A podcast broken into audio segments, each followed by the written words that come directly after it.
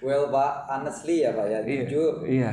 sebelum eh, setelah selesai eh, SMA itu, Pak, SMA cita-cita saya tuh ingin jadi perawat, tenaga kesehatan. malah cita-citanya pengen jadi perawat, tenaga kesehatan. Kan ini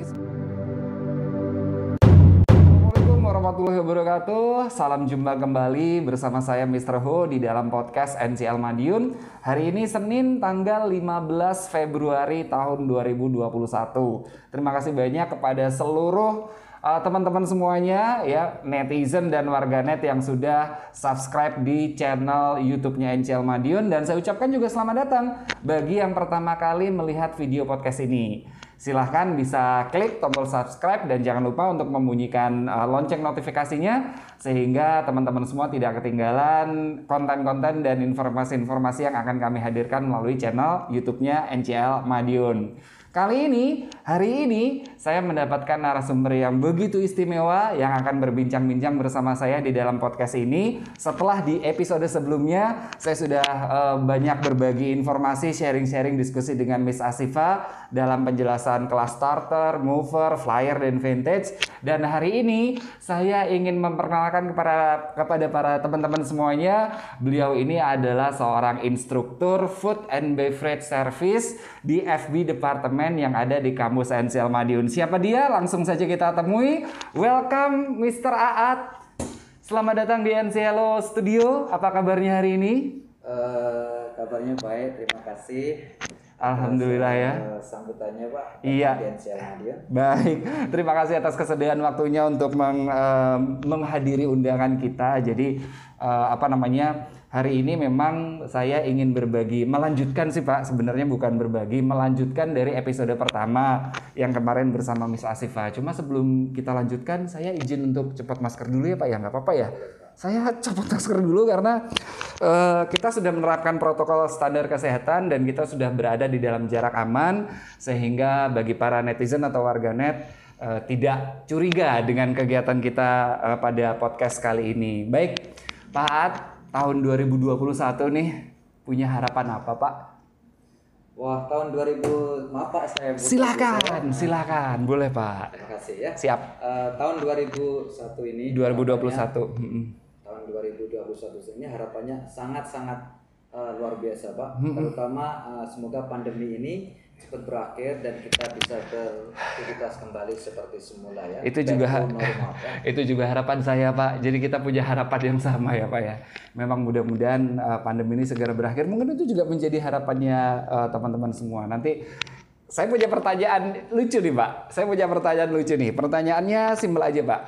Ketika pandemi ini berakhir, kalau versinya Pak Ad, hal pertama yang akan dilakukan itu mau ngapain Pak? Wah, banyak sekali Pak. Banyak sekali. Seperti apa itu? Ke- udah keinginan yang tertahan gitu ya. Tertahan. Satu hal, satu satu poin aja pak. Ketika pandemi ini berakhir, Mr. At akan melakukan titik titik titik Wah, akan explore yang pasti ya. explore ya. Explore the world again ya. Jalan-jalan, Jalan-jalan, vacation, vacation, wisata, wisata. suka kuliner. Wah, itu hobi saya. Cocok, iya. Sebenarnya Pak, honestly, sebenarnya saya ini termasuk sebenarnya saya ini termasuk eh, fans dari Mr. At karena apa ya? eh, kalau saya sendiri sih, insya Allah saya sudah tahu profilnya Mr. At seperti apa. Tapi bagi para warganet juga teman-teman yang sedang menyaksikan ini mungkin ingin mengetahui Pak profil singkat dari Mr. At itu seperti apa? Boleh diceritain Pak At perjalanan karirnya sampai akhirnya bisa di NCL Madiun. Secara singkat aja sih Oh, Pak. Panjang sekali Pak ya perjalanannya ya. Di, dipersingkat aja pak.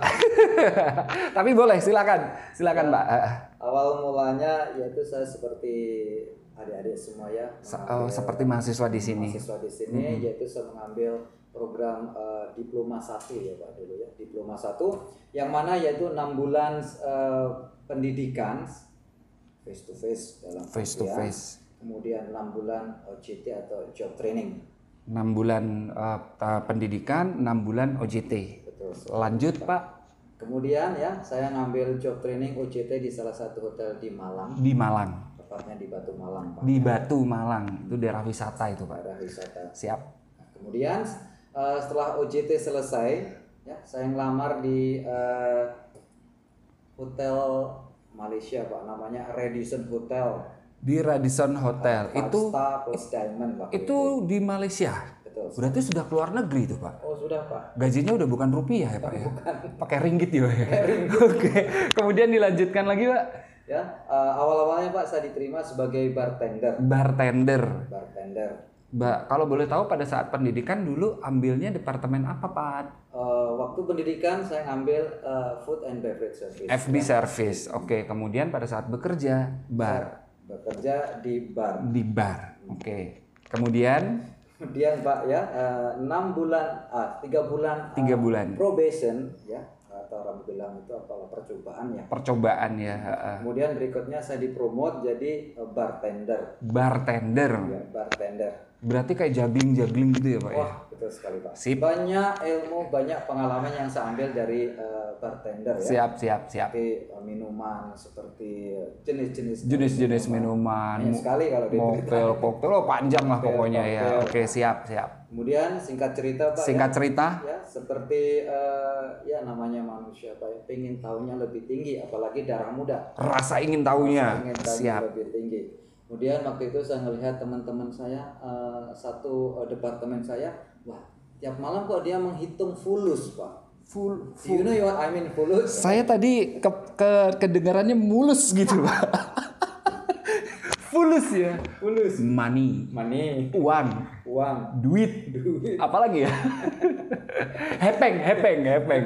Iya, gimana Pak itu ceritanya? Jadi ceritanya Pak Oh begini, jadi setiap malam tuh teman saya kok ngumpul di pojok ngitung uh, apa tuh fulus atau Ngitung uang. gitu. Oke. Ternyata itu adalah uang Jadi tips Pak. ceritanya Pak Pak Aat itu kayak ngintip atau tidak sengaja melihat atau kepo gitu kalau bahasa anak Kepo, kepo bisa. ya bahasa anak muda sekarang ya kepo. kepo ya tuh ngapain gitu ya. Tiap Malam Siap, siap. kok ngitung duit. gitu. ternyata uh, apa itu uh, setelah saya tanya, oh ternyata uang tips Pak. Uang tips.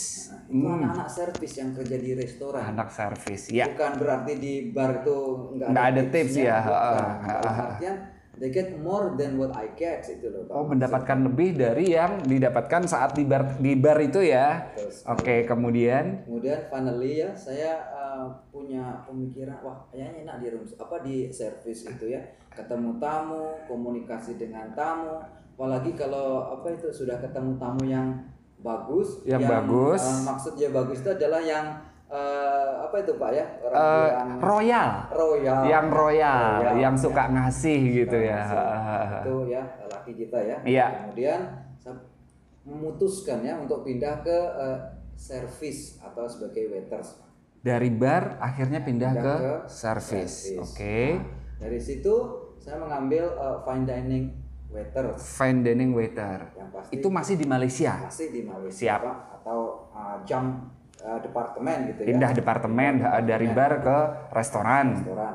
Nah di si restoran situ lebih banyak lagi pengalaman yang saya dapat Lebih banyak lagi otomatis ya. ya pengalaman tentang apa service Service. food kemudian uh, customer service yang pasti ya Folding napkin? oh folding this is part of our job Wah, itu udah otomatis ya. Otomatis, Oke, ya. oke, oke. Otomatis. Siap, siap. Nah, Kemudian setelah itu eh, namanya juga darah muda, Pak. masih ingin lebih Masih ingin yang lebih. Wah, upgrade terus Upgrade pokoknya. terus. Siap. ya. Kalau boleh saya singkat cerita, Singkat waktu cerita, Pak, iya, waktu itu. Saya masih di eh, Malaysia tuh sampai melamar saya ke Irlandia. Melamar ke Irlandia. Itu di di Eropa loh Pak Irlandia. Masih di Eropa. hotel, Pak, itu. Masih di hotel. Itu melamarnya di Irlandia itu juga di perhotelan. Perhotelan. Iya. Tapi walhasil Pak ya, itu karena eh, paperwork saya, finally I got deportation. Oh, sebentar. Paperwork itu apa sih Pak Ya, paperwork? Pak? seperti dokumen-dokumen. Oh, gitu seperti Pak, ya. dokumen-dokumen kayak model paspor gitu Pak ya. Oh iya iya iya iya. Itu pada saat itu kenapa Pak? Ya itu vi- apa itu paspor saya itu eh, sudah mau expire. Oh, sudah mau expired. Iya Jadi iya iya iya. mau renewing paspor Butuh waktu. Butuh waktu. Oh iya, betul betul time. betul. Mm-mm. Akhirnya ya kena deportasi. Kena deportasi. Balik ke Indonesia Pak. Setelah dari Malaysia Balik. balik ke Indonesia, Dan saya kerja di eh, ngelamar di eh, salah satu hotel di Bintan di Kepulauan Riau. Kepulauan. Oh, dekat Batam ya, Pak ya? Ya, dekat Batam. Dekat Batam. Ya, ah, ah, ah. Tepatnya di Bintan Lagoon Resort. Bintan Lagoon Resort. Ya eh, Mm-mm. itu eh, five star juga. Five star juga ya. Sebagai eh, restoran staff ya. Restoran staff. Nah, Namun nggak lama juga Pak di situ. Nggak lama juga pak. Upgrade lagi. Upgrade lagi, Pak. Buset. Ya, eh, saya memikir begini Pak. Eh, my apa itu? My expectancy itu I like to see the world. gitu. Oh, jadi ada keinginan itu pengen sebenarnya pengen go internasional. internasional, gitu. Mulainya mungkin dari yang tetangga dulu, Indonesia nyeberang Malaysia gitu ya. Pengen ke Irlandia tapi terkendala saat itu. Terus tapi impian itu tetap ada gitu ya. Ada Pak. Oke, Walaupun oke, banyak oke. obstacle ya, banyak Iya. kendala. Banyak kendala. Oke, siap, siap. Itu perjalanan eh, di dunia perhotelan. Iya, di- Awalnya. Awalnya Kemudian eh, tahun 2003 Pak ya. 2003, iya. tepatnya. Itu pertama kali saya ngelamar di eh, perusahaan kapal pesiar. perusahaan kapal pesiar. Sebentar.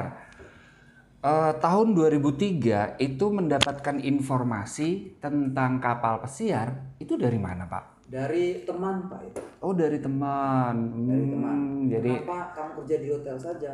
Kalau kamu eh, lebih mampu, lebih eh, bisa, kenapa nggak ngamar ke kapal pesiar aja? ada dorongan berarti. Ada dorongan. Ada support juga ya dari teman ah, merekomendasikan, menyarankan seperti itu ya, Pak ya. Oke, oke, oke. Kemudian dari situlah akhirnya men- mencari informasinya, Pak. Cari informasi. Soalnya saya ingat saya 2003 itu kan tidak seperti 2021 sekarang. Oh, jauh sekali. Jauh sekali. Internet aja mungkin udah ada belum Pak ya 2000 Ada, tapi 2003. harus ke war warnet. warnet ya, harus ke warnet Pak ya. Iya, dan model pakai belum mungkin handphone itu nggak seperti smartphone zaman sekarang Pak ya. Kita masih menggunakan te- telepon, SMS gitu ya Pak. Dan mungkin juga pulsa di tahun itu 2003 ya masih tinggi mungkin Pak Tinggi, ya. Pak. Belum tentu kalau searching apa itu dapat cepat sekali. Dapat cepat Harus sekali. muter-muter dulu itu. loading gitu Pak ya, lo loading seperti itu ya. Nah, kemudian tapi ya mungkin karena ada rasa ingin tahu yang besar itu pokoknya berbagai macam cara cari informasi. Berarti langganan ke warnet dong, Pak. Iya pak, warnet pinggir-pinggir itu yang jadi kunjungan saya itu. Itu pokoknya demi untuk mendapatkan informasi itu, Pak ya. betul sekali. Demi untuk mendapatkan informasi harus bolak-balik masuk warnet gitu ya, Pak ya. Oke, kemudian Kemudian pak eh, tahun 2003 tersebut, Mm-mm. saya ngelamar di perusahaan kapal pesiar.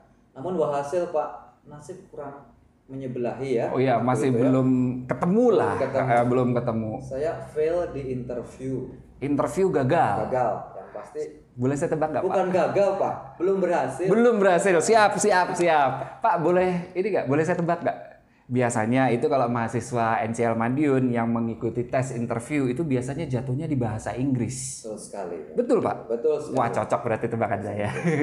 Gimana, Pak, bahasa Inggris? Emang susah tuh, Pak, bahasa Inggris itu? Wah, bahasa Inggris itu tidak susah, Pak. Ya, we know ya, we understand English is not our mother tongue. Oh iya, memang bahasa Inggris bukan bahasa keseharian kita ya.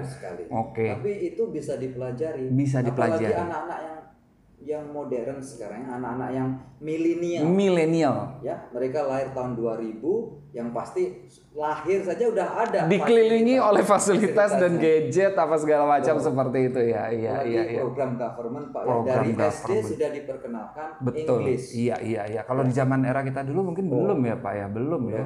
Bahasa Inggris itu ibarat sesuatu hal yang s- mewah lah ibaratnya seperti itu ya. Kalau sekarang belajar lewat aplikasi bisa, Bisa. lewat media YouTube bisa, banyak media belajar ya, Pak. ya. Kalau mungkin dulu kita terbatas ya, Pak ya. Wah, sangat limit dulu, Pak. Sangat limit ya. Oke, kemudian Kemudian eh, karena fail tadi Pak, Gara-gara- boleh saya cerita oh, boleh, kegagalan silakan. saya. Iya, nggak apa-apa, Tidak Pak. keberhasilan waktu itu saya interview ya. iya, iya, iya. Pertama ada tiga poin Pak yang saya tidak eh, berhasil dalam interview. Tiga. Nomor satu. Nomor satu, saya tidak bisa membedakan jenis-jenis keluarga melon Pak, melon family. Sebentar Pak, sebentar. Melon family. Ya betul. sekali. Maksudnya mel melon buah melon. Buah melon Pak. Buah melon yang hijau itu, Betul itu ada family-nya, Pak. Ada familynya Pak. Eh, Gim- Gimana? Saya baru malah saya juga malah baru dengerin ya ada family-nya. Bisa gimana, Pak? Maksudnya family itu gimana, Pak? Ini sebentar, Pak. Melon itu ternyata ada family-nya. gimana ya? Melon family, melon family. Ya, melon family itu ada beberapa jenis melon Pak ya. Mm-hmm. Ada watermelon, Semangka, ah, ada honeydew honeydew, atau honey melon. honey melon, honeydew. Itu, itu kalau di Indonesia apa Pak namanya, Pak? Kalau bahasa buah yang di pasar gitu loh, Pak. Buah yang- honeydew itu. Honeydew itu kan ada yang hijau, ada yang kayak kuning kayak kayak itu Pak. La, kayak labu. Kalau labu itu Beda pumpkin ya kalau labu ya. Mungkin sejenis itulah ya. Jenis itu. Oke oke. Ada juga lagi kita panggil rock melon. Rock melon. Rock musik rock gitu. Ya, tulisannya spellingnya sama pak, rock melon. R O C K melon gitu. melon. Itu melon apa lagi, Pak? Wah, ternyata adalah blewah pak. Blewa. Blewa. Blewa itu bahasa Inggrisnya rock melon. Wah, baru saya tahu ini, Pak. Berarti melon itu di dalam eh, eh, ibaratnya kayak jenis melon itu ada yang namanya melon itu yang hijau ya, Pak ya. Watermelon itu semangka. Honeydew, honeydew itu yang eh, mungkin yang kayak mungkin yang kayak melon tanpa biji gitu, Pak ya. Yang hijau pak. Pokoknya yang hijau ya. Terus ada rock melon, itu ternyata belewa. Dan gagalnya itu yang pertama di situ.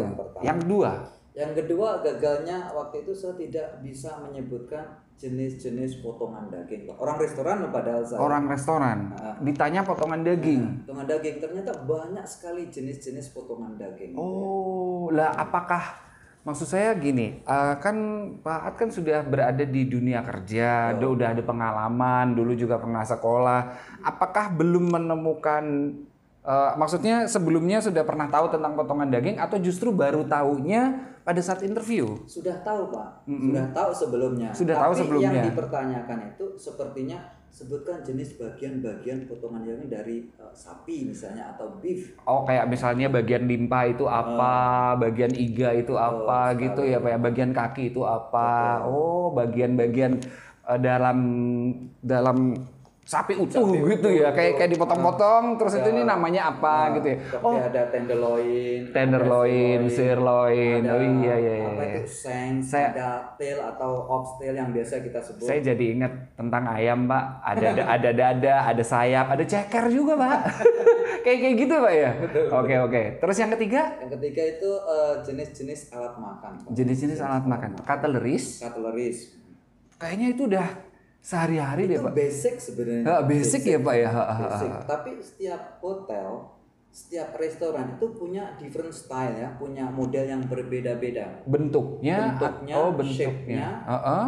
Itu berbeda-beda. Walaupun look alike ya, walaupun Look kelihatan sama, mirip, mirip, mm, tapi ternyata tapi beda. ternyata beda. Oke. Makanya intinya itu ya, orang servis itu alat makan itu berapa? Tiga sendok, garpu, pisau. Sendok, garpu, pisau. Betul. Mm-mm. Tapi itu nanti ada panjang lagi penjabarannya setiap item tersebut. Iya memang memang apa ya kalau kita berbicara tentang FB service itu kan kita ini sebenarnya sealiran pak. Cuma cuma pak cuma memang uh, banyak hal yang memang belum kita ketahui dan itulah kenapa mungkin kita harus terus belajar ya pak ya. Artinya belajar itu mungkin tidak ada masa habisnya. Artinya uh, kita merasa sudah tahu banyak hal tapi ternyata ada banyak hal juga yang belum kita ketahui gitu ya pak ya. Bahkan kalau saya dengar eh, ceritanya dari Pak At dengan eh, pengalaman kemudian eh, masa kerja seperti itu itu pun masih gagal ketika interview ya.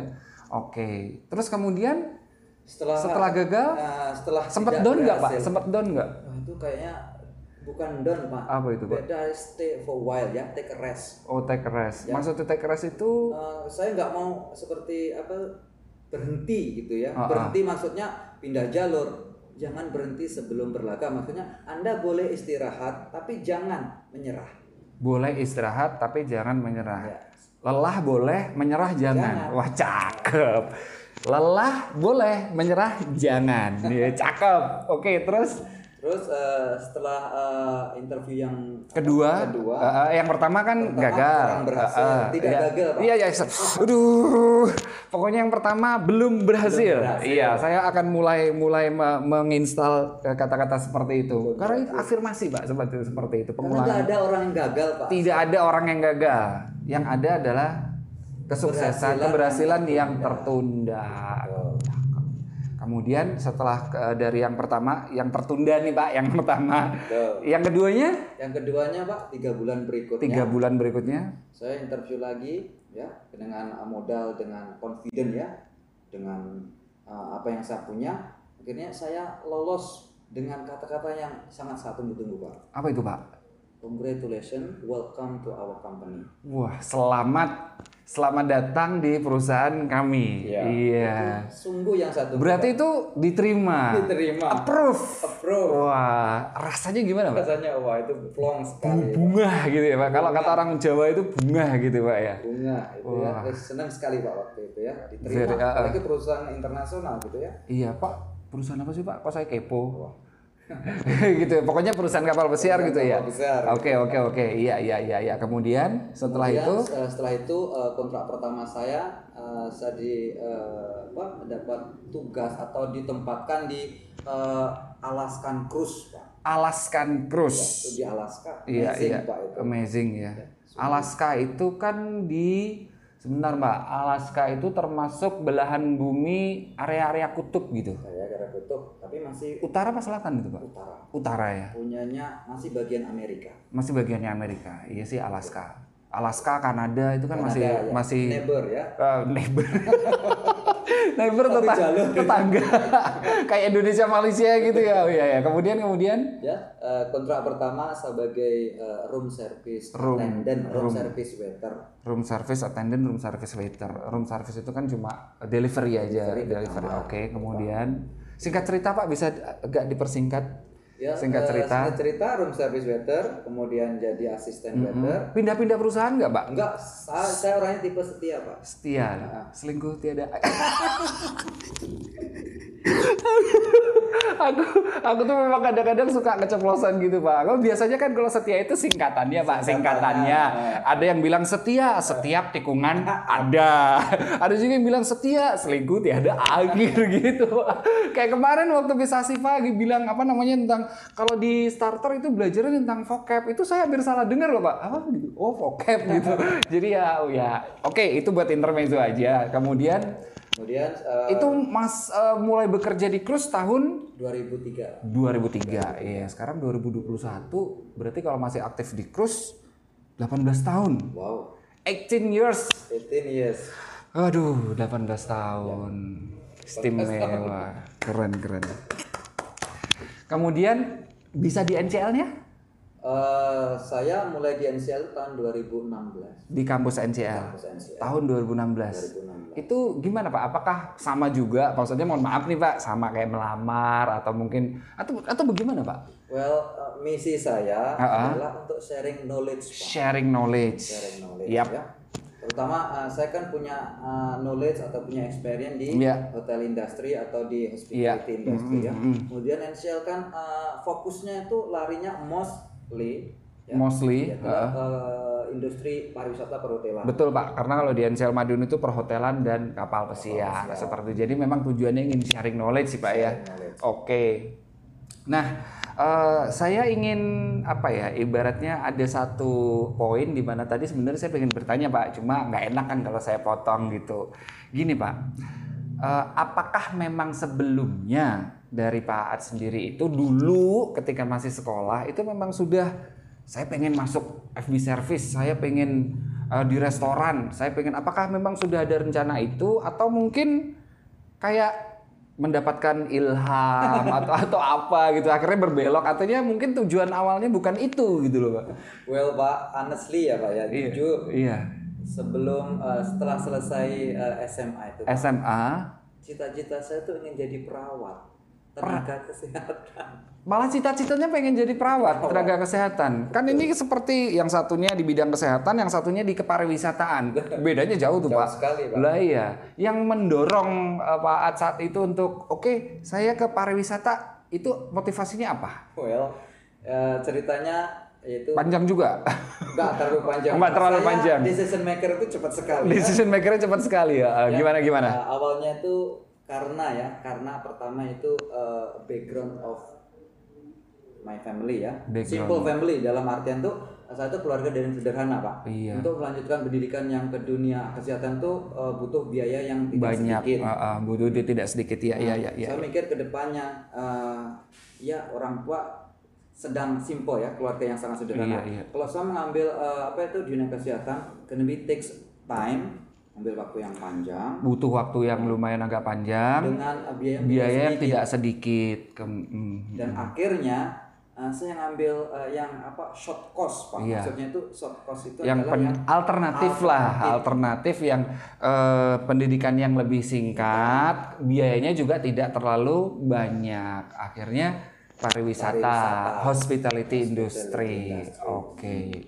Nah, apa ya? eh, sebenarnya kalau ya kalau berbicara saya tadi sempat gak ingin menggarisbawahi simple family Pak. Kebetulan memang di NCL Madiun itu kan rata-rata memang eh, kebanyakan itu menengah ke bawah. Mereka itu hanya punya keinginan. Kadangkala ketika saya ketemu sama siswa, saya itu kalau lihat peluang di FB service itu peluangnya bagus, tapi mereka kadang-kadang itu bilangnya ke saya gini. Saya itu bukan orang yang komunikatif.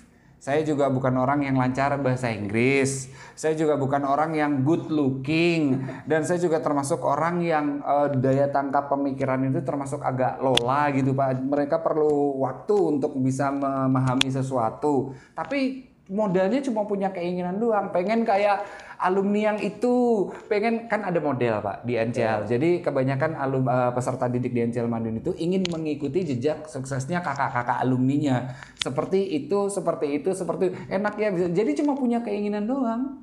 Seperti itu. Nah, sebenarnya Pak idealnya kalau misalnya orang ingin memilih departemen FB service, itu idealnya yang tipikal bagaimana?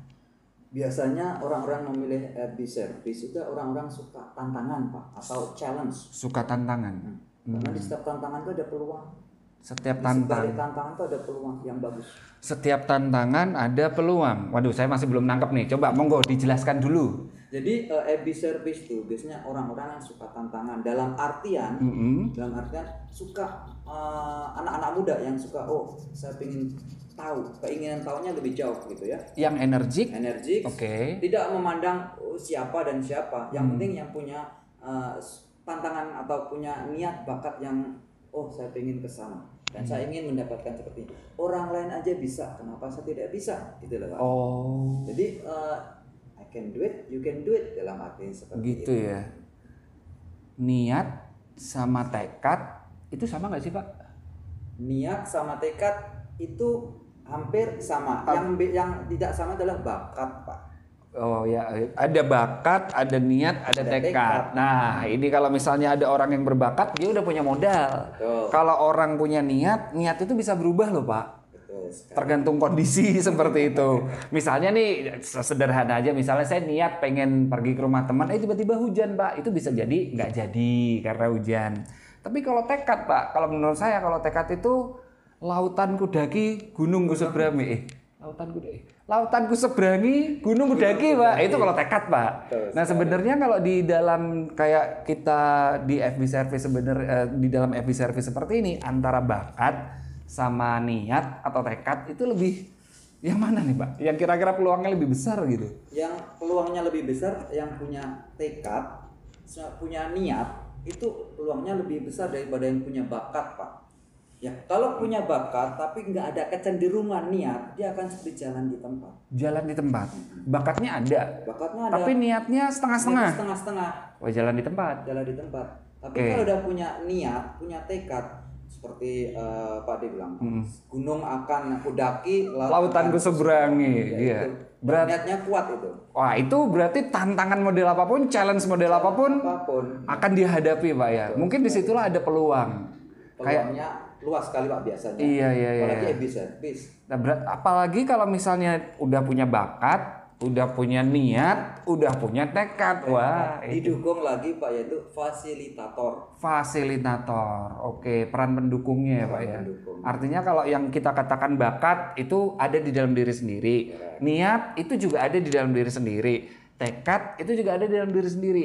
Oh, yang dimaksud fasilitator itu yang bagaimana? Ya fasilitator itu seperti eh, saya ya Iya. saya eh, Oh. mensupport Iya. memfasilitasi Iya. knowledge anda untuk menuju ke sana Iya, itu contohnya seperti NCL Madiun. seperti NCL Madiun itu juga ini fasilitator. lembaga fasilitator, Iya. ya. Lembaga yang menjembatani dunia pendidikan dengan dunia kerja. korek ya Korek ya betul ya Pak ya. Oke oke, mungkin eh, ada apa namanya yang tadi yang saya bilang tadi yang idealnya untuk di FB service itu menurut Pak Ad bagaimana idealnya selain untuk orang yang suka tantangan.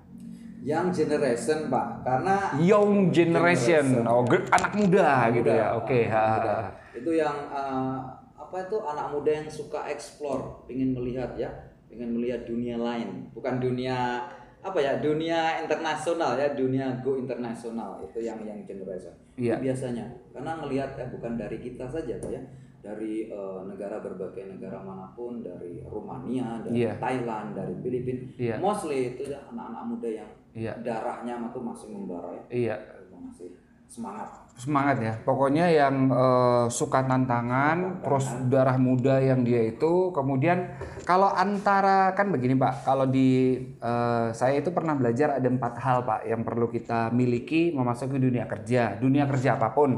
Itu yang pertama adalah attitude, yang kedua communication skill, kemudian yang ketiga adalah product knowledge, dan yang keempat itu adalah performance atau grooming. Nah, ini urutannya Pak kalau misalnya di FB service itu kalau menurut uh, Pak At bagaimana? Seorang ini uh, seorang FB service gitu ya, uh, dia harus memiliki yang bagaimana? kalau FB service itu yang pertama itu adalah communication skill Communication skill karena Dia berhubungan dengan orang. dengan orang.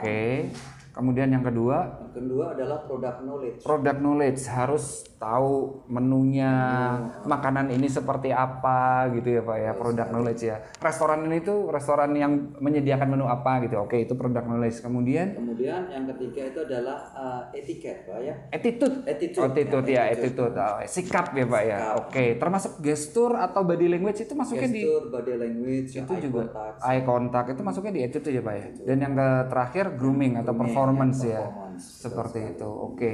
Nah begini kan kalau kita kata di saya pengen cerita juga pak. Kan saya dulu juga pernah mengikuti beberapa pekerjaan baik itu casual ataupun yang daily worker di bangket baik yang di void dan segala macam lah. Seringnya itu pak ini sorry to say juga pak ya. Kebanyakan tamu itu cenderung suka komplain. Padahal kita aku udah mati-matian servis loh pak. Seperti itu. Nah kalau ketemu yang tamu seperti itu kan pasti ada triknya nggak sih pak? Wah itu kalau orang FB service itu adalah makanan hari-hari pak. Makanan hari-hari. Tapi kita punya triknya Punya how to triknya? handle the complaint. How to handle the complaint. Oke. Itu ada di uh, pembelajar ada di apa ada di pembelajarannya? Pelajaran oke. How to handle the complaint. Iya. itu udah uh, apa itu uh, apa ya triknya orang Trik- service trik, harus iya. ready dengan antisipasi yang Betul. uh, negatif. yang kemungkinan yang akan terjadi. Eh, tadi soal ngomong-ngomong soal hand, handling objek eh, apa namanya tadi, Pak? Uh, Yang mengatasi persoalan seperti itu, how to handle the how to complaint. handle the complaint. Kalau misalnya boleh nggak sih Pak saya dikasih bocoran gitu Pak di dalam materi FB service poin-poin bab-babnya itu pelajarannya tentang apa gitu Pak. Artinya ini buat warga net atau buat netizen yang kemungkinan eh, ada keinginan untuk me- apa masuk di dalam dunia FB service tapi pengen tahu yang di FB service itu yang diajarin apa sih? Soalnya gini Pak, kadang-kadang tuh orang nyepelein loh Pak. Apa susahnya sih tinggal ngeladenin tamu? Gitu pak. Iya. Jadi kalau misalnya saya ketemu dengan orang awam yang mereka belum tahu tentang FB service bilangnya begini mohon maaf nih pak ini saya hanya meneruskan omongan aja. Kerja di hotel paling jadi pelayan. Hmm. itu pak kayaknya tuh kayak pelayan tuh kayak kalau aduh jangan pelayan lah kita pelayan pelayan ber, Pelayan berde- profesional, pelayan profesional. Pelayan saya lebih cocok menyebutnya dengan kata pramusaji seperti itu pak. Karena di situ kita ada banyak pembelajarannya. Nah ini sekedar sekaligus juga buat mengedukasi buat mengedukasi buat para netizen kalau misalnya di FB service itu kira-kira materinya apa aja Well, kalau di FB service itu ya kita uh, Cutleries. kasih cutleries ya dari basicnya dulu Basicnya ya. dulu. Introduction ya, introduction dunia service dulu. iya Kemudian kalau udah masuk ke service, kita akan ajarkan uh, spoon of service. iya setelah second service? Spoon of service, kemudian uh, seperti apa tuh yang ada di dalamnya seperti belajar tentang international menu, international how menu. to handle the complaint, how to handle complaint. How to get the extra. itu juga Mana- diajarin pak. Wah itu diajarin pak. Mana yang bisa dihantar itu diajarin. bisa diidentifikasi gitu pak. Wah itu ladang sawah kita pak. Wah iya ya ngomong-ngomong soalnya ya memang sih di FB service itu kita dapetnya tiga pak tiga tiga. Ini kalau nanti saya salah tolong dikoreksi ya pak ya. Tiga pendapatan di FB service itu yang pertama dari gaji pokoknya kemudian dari tuga dua itu ada uang servisnya. Service charge. Service charge kemudian yang ketiga ada uang tip pak. Extra. ekstra tip ya pak ya. Berarti memang ya pantas aja sih kalau FB service itu banyak peminatnya. Kenapa yang membuat saya cemburu dulu? Iya, wah Harus enak ya lagi ngitung-ngitung duit dari bar, akhirnya pindah ke servis. Karena memang lahan basah ya. Ya, boleh dibilang lahan boleh dibilang lahan basah. Peluangnya banyak, tapi juga challenge-nya juga ada, tantangannya juga ada seperti itu. Nah, tadi udah dijelasin tentang uh, materi-materi seputar EV service yang uh, EV service itu bukan hanya soal melayani aja loh, tapi juga ada product knowledge-nya, ada tata caranya dan itu kan standar internasional ya, Pak ya. Kalau melihat dari kap- eh, apa namanya ketersediaan di NCL Madiun, menurut eh, Pak At nih, ini kita berbicara apa adanya, Pak. Apa sih yang kurang gitu loh, Pak? Saya pengen tahu supaya bisa jadi kritik buat NCL Madiun supaya bisa dilengkapi, supaya bisa semakin eh, bisa mengaktualisasi diri lah. Apa yang kurang dari mungkin peralatannya atau mungkin apanya? Apa Pak yang kurang di NCL Madiun? Saya ngomong yang sudah ada aja dulu, Pak ya. Iya, boleh, Nah, boleh. Kurangnya nanti saya Siap, siap, ya. siap. Kalau di NCL Madiun ya, eh, NCL Madiun itu untuk FB service itu difasilitasi sudah standar bintang 5 Standar bintang lima. kapal pesiar ya. Contohnya dari eh, tablecloth, dari napkin, dari all the glasses, dari silverware itu udah standar bintang 5. Kemudian eh, kita juga diterapkan atau diajarkan tentang aplikasi hotelmu ya. Aplikasi hotelmu, ada aplikasinya? Ada aplikasinya Pak. Jadi siswa atau uh, pelajar itu diajarkan untuk uh, apa taking order Taking order. input ke sistem. Jadi sistemnya itu langsung uh, uh, mengirim message ke kitchen, ke bar seperti yang ada atau real ya. Uh, bintang 3, bintang 4 Sudah menggunakan aplikasi digital maksudnya. Oke, kemudian Kemudian siswa diajarkan atau dibekali, oh beginilah caranya ya, atau mengambil order bagaimana, uh, forward orderannya ke kitchen atau ke bar itu bagaimana, itu sudah diterapkan diajarkan di Sudah. Oke. Madiun. Iya. Kemudian uh, kalau kekurangannya, Ini yang saya tunggu-tunggu, Pak. Kekurangannya apa, Pak? Kekurangannya yang kurang dari NCL Madiun menurut eh, Mr. Ad. yaitu jumlah kelasnya pak. Jumlah kelas. Kita sudah 15 kelas loh, Pak. Ya, so far kita punya 15 kelas. Namun ya antusias dari apa itu peserta didik itu setiap uh, gelombangnya tuh sangat tinggi sekali. Dan Iya akhirnya kita harus membatasi dengan kuota untuk mereka yang tidak tertampung atau Iya. terakomodasi untuk gelombang ini harus mengikuti gelombang berikutnya. Nambah kelas lagi, Pak. Nambah kelas lagi, Pak. Iya sih soalnya aduh saya jadi ini banyak juga sih yang komplain eh, wah NCL bikin program pendidikan tapi giliran anak saya mau daftar ternyata kuotanya udah penuh segala ya mohon maaf cuma 15 kelas berarti yang kurang cuma itu pak nggak ada yang lain Menurut saya itu saja, Pak. kelasnya yang kurang ya kelasnya yang kurang. Oke. Itu pun harus kadang harus apa itu Pak uh, text turn gitu ya. Iya iya iya iya Text iya. iya. Kelasnya kelasnya yang kurang. Mungkin nanti ya mudah-mudahan mungkin ini nanti podcastnya bisa didengar sama eh, manajemen yang ada di NCL Madiun sehingga barangkali di tahun-tahun berikutnya bisa nambah jumlah kelas sehingga bisa menampung eh, mahasiswa yang lebih banyak lagi seperti itu. Karena memang eh, kalau kita memberikan kesempatan tapi kita tidak merealisasikan kesempatan itu namanya PHP Pak. Jadi kita kayak pemberi harapan palsu gitu. Kita juga oh iya juga ya bener juga ya. Artinya NCL ini bukan kampus PHP yang dia gencar eh, apa namanya mengedukasi, menginformasi, membuka peluang dan segala macam. Tapi begitu orang mau daftar ke sini ternyata fotonya ada habis PHP juga berarti ya. Ya deh, good point. Terima kasih banyak Pak At untuk waktunya, untuk sharing-sharingnya. Terakhir Pak, quote. Ya pastilah quote petuah bijak atau mungkin ada tips sukses atau mungkin apa yang ingin disampaikan oleh Pak At bagi para netizen warganet terutama untuk mahasiswa NCL Madiun yang saat ini tengah mengikuti atau sedang menjalankan program pendidikan dan pelatihan kerja yang lagi fokus di bidang FB service ingin mengikuti jejak suksesnya seperti Pak At atau seperti alumni-alumni NCL Madiun quote-nya apa Pak? Ya untuk yang generation ya yang sekarang ini banyak ya peluang banyak peluang terbuka bebas terbuka luas sekali ya. Pesan saya aja satu aja jangan menyerah sebelum berlaga. Jangan menyerah sebelum berlaga. Yes. Itu adalah quote kita hari ini ya pokoknya jangan menyerah sebelum berlaga. Tidak ada kata gagal, yang ada hanyalah keberhasilan yang tertunda. Kemudian tadi juga ada tentang bakat, niat sama tekad. Orang yang berbakat kalau tidak dibarengi dengan niat dan tekad sama seperti jalan di tempat. Tapi orang yang punya niat sama orang yang punya tekad bisa mengalahkan orang yang berbakat. Tapi kalau orang berbakat punya niat dan punya tekad, wes melejit itu sudah. Apalagi kalau didukung dengan uh, fasilitator, ada media pendukungnya, peluangnya sudah ada seperti itu ya. Wow. Thank you sekali. Uh, aduh apa ya? Terima kasih sekali lagi Mr. Aat untuk sharing-sharing waktunya dan mudah-mudahan uh, buat para netizen nanti kalau misalnya ada yang ingin ditanyakan atau ada yang ingin disampaikan, boleh kirim kita saran, masukan atau pengen request juga bisa ya lewat media sosial Facebook, Instagram, WhatsApp dan lain sebagainya. Kemudian uh, share juga ya video ini buat teman-teman yang kemungkinan mungkin lagi butuh edukasi soal food and beverage service seperti itu. Kemudian jangan lupa di episode minggu depan kita sudah menyiapkan Pak ada podcast juga di episode yang ketiga dengan Mr. Ahmad.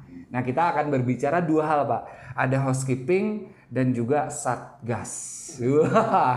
Jadi pastikan teman-teman menyaksikan di video uh, podcast kita yang ketiga bersama Mr. Ahmad. Uh, kita akan berbicara banyak seputar dunia housekeeping dan juga bagaimana NCL Madiun menerapkan standar protokol kesehatan melalui tim satgas yang ada di NCL Madiun. Kita boleh tos dulu Pak. Sip. Terima kasih. Terima kasih Mr. Haat, sukses selalu dan have a nice day. Thank you so much. Have fun.